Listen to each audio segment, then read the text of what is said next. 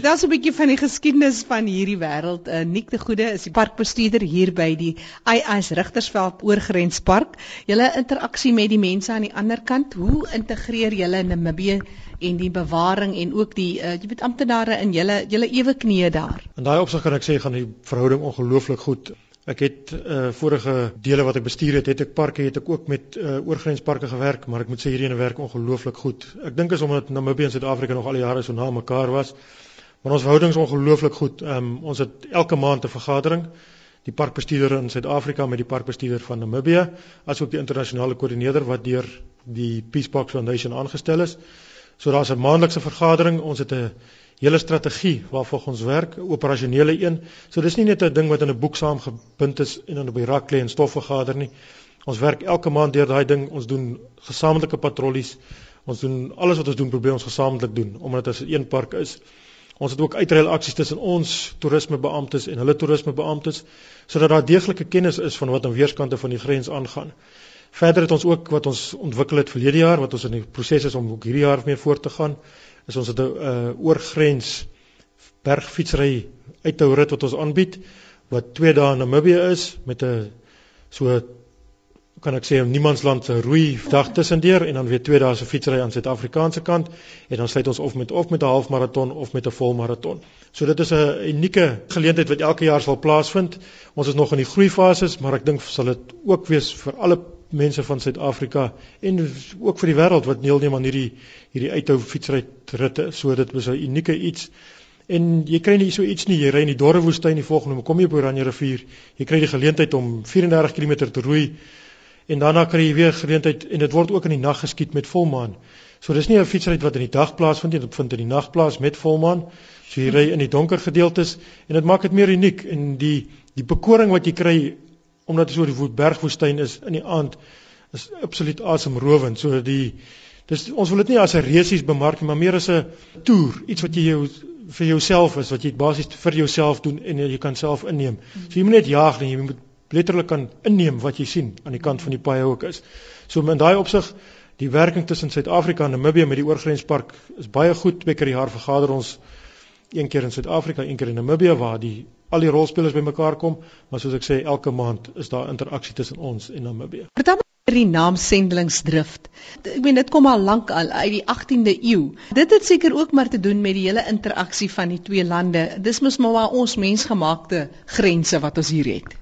Ja, nee, wat kyk en soos hulle sê, ehm um, wat die Peace Parks ook baie druk is, soos hulle praat van boundless Southern Africa. So ons beweeg na 'n area wat ons weier as die grense kyk. Jy moenie net in 'n grens was kyk nie. Die Rigtersveld is 'n unieke plek as jy daarna wil kyk, want ek bedoel jy het Namas wat aan die Suid-Afrikaanse kant woon en Namas aan die Namibiese kant. Hulle is almal van dieselfde stam. So dis mense wat amper kan sê broer en suster is en hulle word hulle geskei deur 'n denkbeeldige lyn. So ons beweeg almal nou soos hulle sê die term wat hulle gebruik is boundless Southern Africa toe. Sendelingsdrif self is maar vernoem dink ek na die sendelingsstasie wat jy nog kan sien met die, as jy inkom ehm um, van Alexanderbaai se kant oor van die Namibiese kant. En dit was maar basies 'n sendelingsstasie gewees in die vorige eeu. En dis maar basies waar Sendelingsdrif sy naam vandaan gekry het toe die myne hier gekom het en diamante ontdek is en dat die myndorpe so gegroei het het maar altyd die naam Sendelingsdrif het seker maar ter blye gebly. En die die sendelingsstasie is vandag nog te sien hier aan die Namibiese kant. Nou, nik een van die stories wat my fascineer en ek luister nou na die mense wat vertel, hulle vertel met groot ehm um, amper respek wil ek sê van die groot waterslang. Het jy en jy het natuurlik seker al hierdie storie gehoor. Hoe sif jy hierdie stories want jy sien dis tog maar deel van die kultuur. Ja, en ek soos ek sê, mense moet dit ook nie weggooi nie. Uh dit was nou nogal baie gewees die afgelope tyd wat ons dit gehoor het met die groot vloede wat ons gehad het. Dit het nog steeds hoë watervlakke gehad, hoor as wat dit was sedert 1988. En uh selfs van die klein kinders wat jy raakloop, het hulle gesê wat die een vertel dat sy pa gesien het met die groot slang met die diamant op die kop. So dis iets wat deel is van die van die rigtersveld en dit sal altyd die wees en soos hy soos hulle sê soos hy roer, stel die water op en as hy weer stil is dan gaan lê die water. So dis maar die waterslang wat ons mee wat ons van gehoor het en dit sal sleg wees as mense wil sê dit bestaan nie of dit is nie so iets nie. Dis deel van die geskiedenis, deel van die kultuur wat daar is.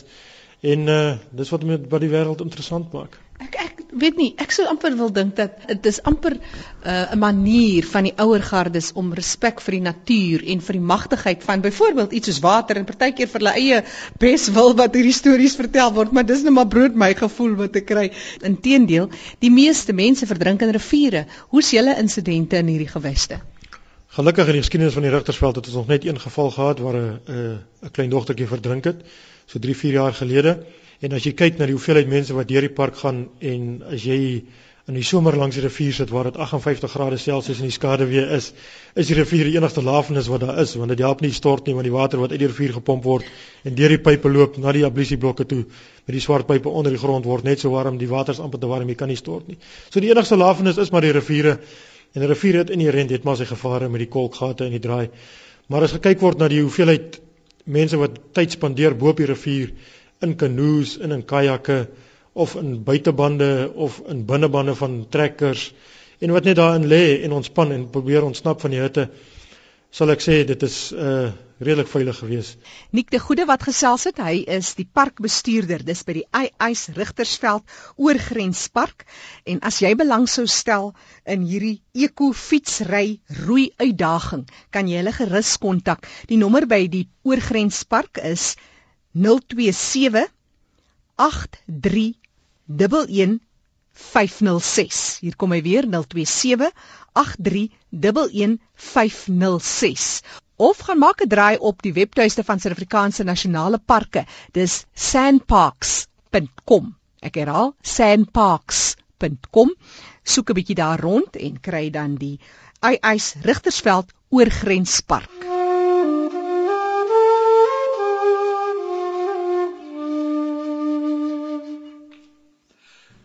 Die mysterieboom groei graag op vogtige plekke langs die land se ooskus en ook in die noordoostelike deel van die land. Dis 'n middelgrootte boom met 'n lang stam wat spog met 'n wye kroon. Die blare is gewoonlik rooi en die blomme kom in klein trossies voor. Die bessieagtige vruggie is eetbaar en die hout is ook duursaam met 'n natuurlike glans wat dit gesog maak.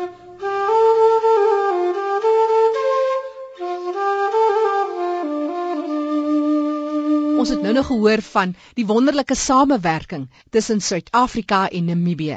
Ek was bevoorreg genoeg om vroeër die jaar ekotourisme in die woestyn te ervaar. Dit was saam met die span van Live the Journey, Jurgen Skooman en sy mense, en ek het saam met hulle op 'n viertrek voertuig reis duine gaan ry. Dit was die eerste aand. Almal was bymekaar. Daar was nie minder nie as 13 voertuie en so 25 mense. Ek het die toergids Gerry van Stade nader getrek en ek wou by hom weet as hy iets moes uitsonder van Namibië as 'n geheel. Wat is dit wat hy met ons sou deel? Man definitief die natuur. Ehm um, die duine is ongelooflik. Ehm um, dis iets wat jy nie vir iemand kan beskryf nie. Jy moet fisies kom self hier wees. As jy wil 'n goeie toer doen en 'n goeie vakansie het, moet jy dit kom doen. Dit is dis iets wat jy nooit sal vergeet nie. Ehm um, vir my ek is passievol oor die natuur en die diere hierso. Ehm um, ek is gelukkig om hier te kan gewees het baie mense moet betaal om hier te wees. Ek word betaal om hier te wees. So dit maak dit spesiaal vir ons ja. is ongelooflik ehm um, soos waar ons nou staan in die, die sterre wat jy kan sien. Oh. Dis ongelooflik ehm um, dis goed wat jy nooit nooit sal sien nie. Um, Ek moet nou net sê dit is inderdaad 'n pragtige sterrehemel. Um dis 'n bietjie van 'n helder maan wat besig is om vol maan te groei. So daar's so ietwat van 'n van 'n lig wat eintlik die sterre so bietjie demp. Want ek weet in donker maan is dit die mooiste mooiste sterre. Dit voel of jy daar op op op 'n kop kan loop sit en amper raak aan hulle, nee Gerry. Ja, kyk, ewen met hierdie volmaan wat hier is, um, kan jy nog steeds die sterre sien waar jy in die stad jy glad nie dit kan sien nie. So dit is is ongelooflike ding. Veral hier so wat dit nou so gereën het wat ons 'n goeie reënval gehad het. Alles is groen, lyk soos grasperk hierso. So dit is iets wat jy nie sommer sal kan sien nie as jy nie hier kom nie. Gerry, jy het nou net verwys na die pragtige duine. Dit is natuurlik die een ding wat baie van ons onmiddellik sien as jy hoor van Namibië, dan sien jy die woestyn. As jy vir iemand moet vertel 'n vreemde wese uit 'n ander lugruim. Wat is 'n woestyn? Wat maak die Namib so besonder? Manne woestyn word ehm um, 'n woestyn verklaar ehm um, as hy jaarlikse verdamping meer as 25% meer as hy sy jaarlikse reënval is. En ehm um, die hierdie woestyn is ongelooflik.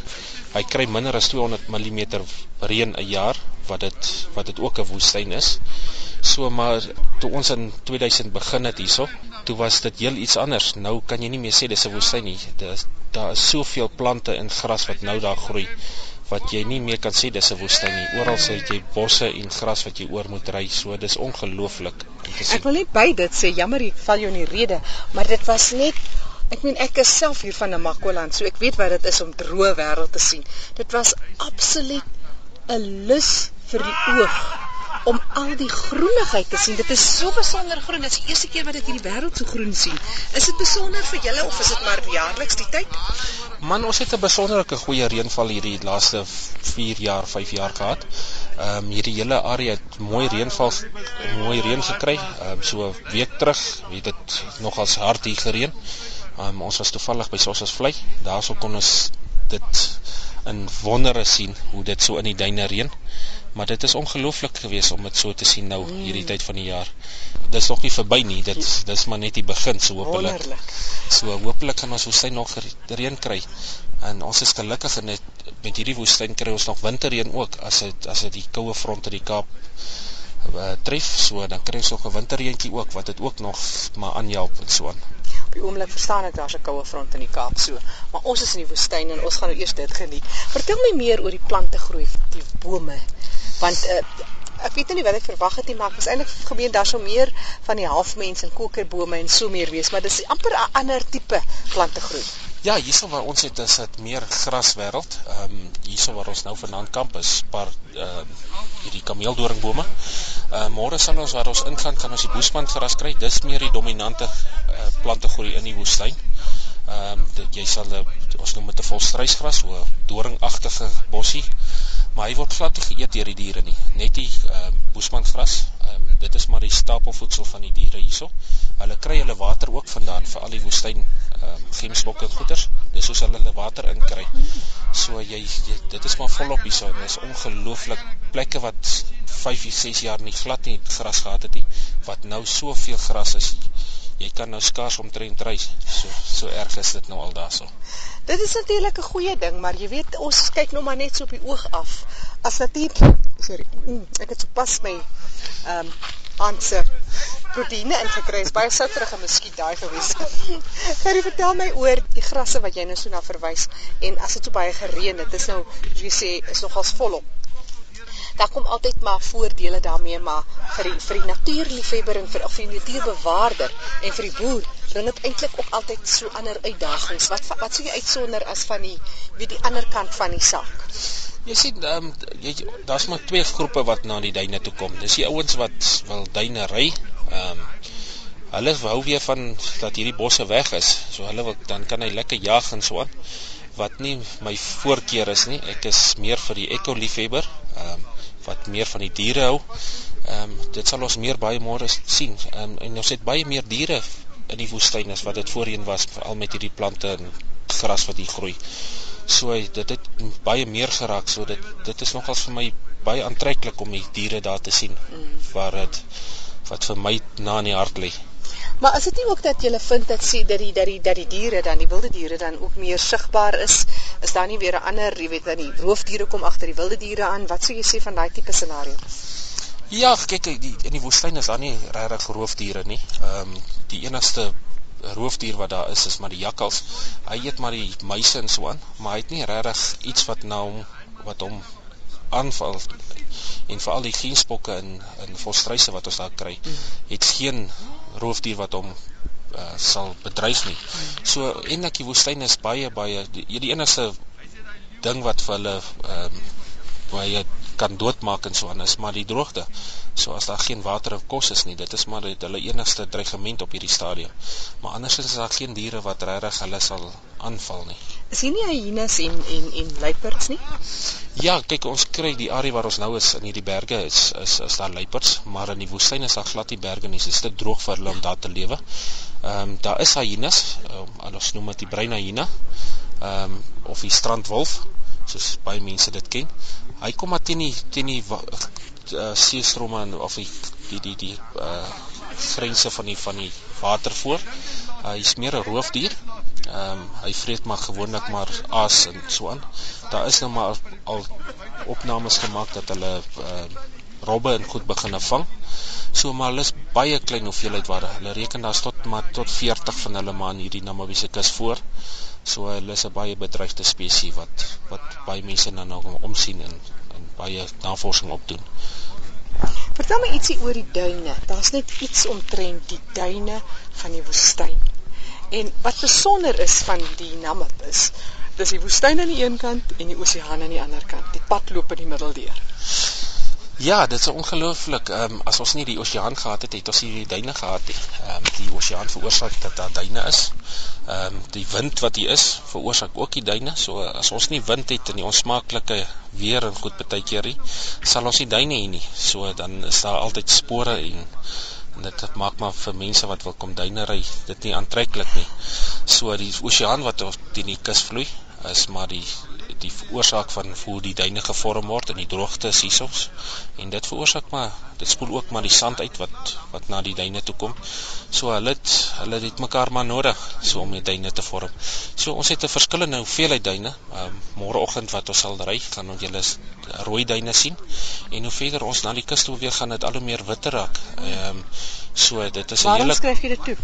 Ja, dis maar net die kontras. Ehm um, baie van die die die die hulle yseroksied wat in die duine is, is al by nader aan die kus al weggewaai. So jy kry dit al hoe meer verder van die kus af weg. Dis hoekom soos ons vleis sulke rooi duine het. En hierdie is blyk baie dieselfde as ons as vleise duine. So, maar ehm uh, ja, hoe nader aan die kus gaan hoe meer witter raak dit en nou meer uh moeiliker raak dit vir ons as ons môre gaan ry of oormôre teen die kus. Ehm um, want dit raak so 'n mengelmoes, lekker moeilike duine, lekker avontuur. So mm. mense kan maar geniet. Maar veral môre kyk maar na die diere daar gaan ons gaan ongelooflik baie diere sien. Soos wat? Ehm um, geenspokke, ehm um, springbokke ongelukkig kom meer aan die vlaktes voor. So ons het die vlakte wat daar is sal ons ongelukkig nou môre 'n bietjie vermy. Ehm um, meer in die duin nou. Ja, dan gaan ons jakkalse kry op die trip en hopelik sal ons daar 'n kabreina hyena wat sien. Ehm um, die kamp van môre aand is daar die ons noem hom die Cape Fox. Ehm um, hy hy's nogals baie interessant diertjie vir my baie mooi. Vertel my van hom. Ja, hy's hy's 'n bietjie kleiner as die jakkals. Um, hy het so 'n lekker bushy tail, ja. noem ons hom. Maar hy is 'n baie pragtige, lyk amper soos die Engelse fox wat hulle kry. So Hy uh, seker baie skugter. Ons sal bevoorreg wees om te sien seker. Ja, kyk, hy's 'n baie uh, skaam diertjie. Ehm um, ek moet sê in die laaste 5 jaar het ons al hoe meer van hulle begin sien. Ehm um, diere wat ons nooit hier gekry het nie. Ehm um, hy kom al hoe meer hier teen die kus voor. Ehm um, by Loedrits soos die ehm um, eystervark wat ons wat meer in die binneland voorkom, het ek nou al het mense al gesien daarso. So dit is diere wat meer, maar meer omdat die natuur so verander het en die plante groei, begin hulle al hoe meer in die woestyn intrek omdat dit meer vir hulle uh, hulle kan meer oorleef daarso so. Ja maar daar is interessante goedjies om te sien. Mm. Ja nee, ek dink die woestyn is seker van die mees interessante plekke om te besoek, want dit is nie noodwendig dat dit is hier reg voor jou nie. In meeste in baie gevalle is dit wel so, maar ek dink daar moet ook 'n soeke en 'n belangstelling en 'n wil ek wil hier wees, 'n gevoel wees. Ja, soos ons voor die trip altyd vir die mense sê, ehm um, ons kan dit vir ons kan hulle in die woestyn invat, maar ons kan dit nie vir hulle lekker maak nie. Hulle moet dit vir hulle self lekker maak. So as hy dit nie wil geniet nie, gaan hy dit nie geniet nie. Mm. So dit is jou eie keuse. Maar ons meeste van die mense wat ons ingevat het, ehm um, kry wat hulle soek, die mooiheid van die natuur. Ehm um, ek is baie lief vir my familietrips. So dit is vir my lekker om die familie daar te hê. So dan dan waardeer hulle die natuur. So Gerry van Staden is môre ons toergids en ek is opgewonde. Ek dink ons gaan môre aand 'n bietjie nabetragting doen oor wat was toe daar en ek sal ook die manne se insette wil hê. En ek is Jackie January hier diep in die buik van Namibië. Ons is nog nie heeltemal in die woestyn nie, maar ons is baie naby. Dis asof jy al die hitte van die woestyn kan aanvoel. Môre is ons so toe op pad.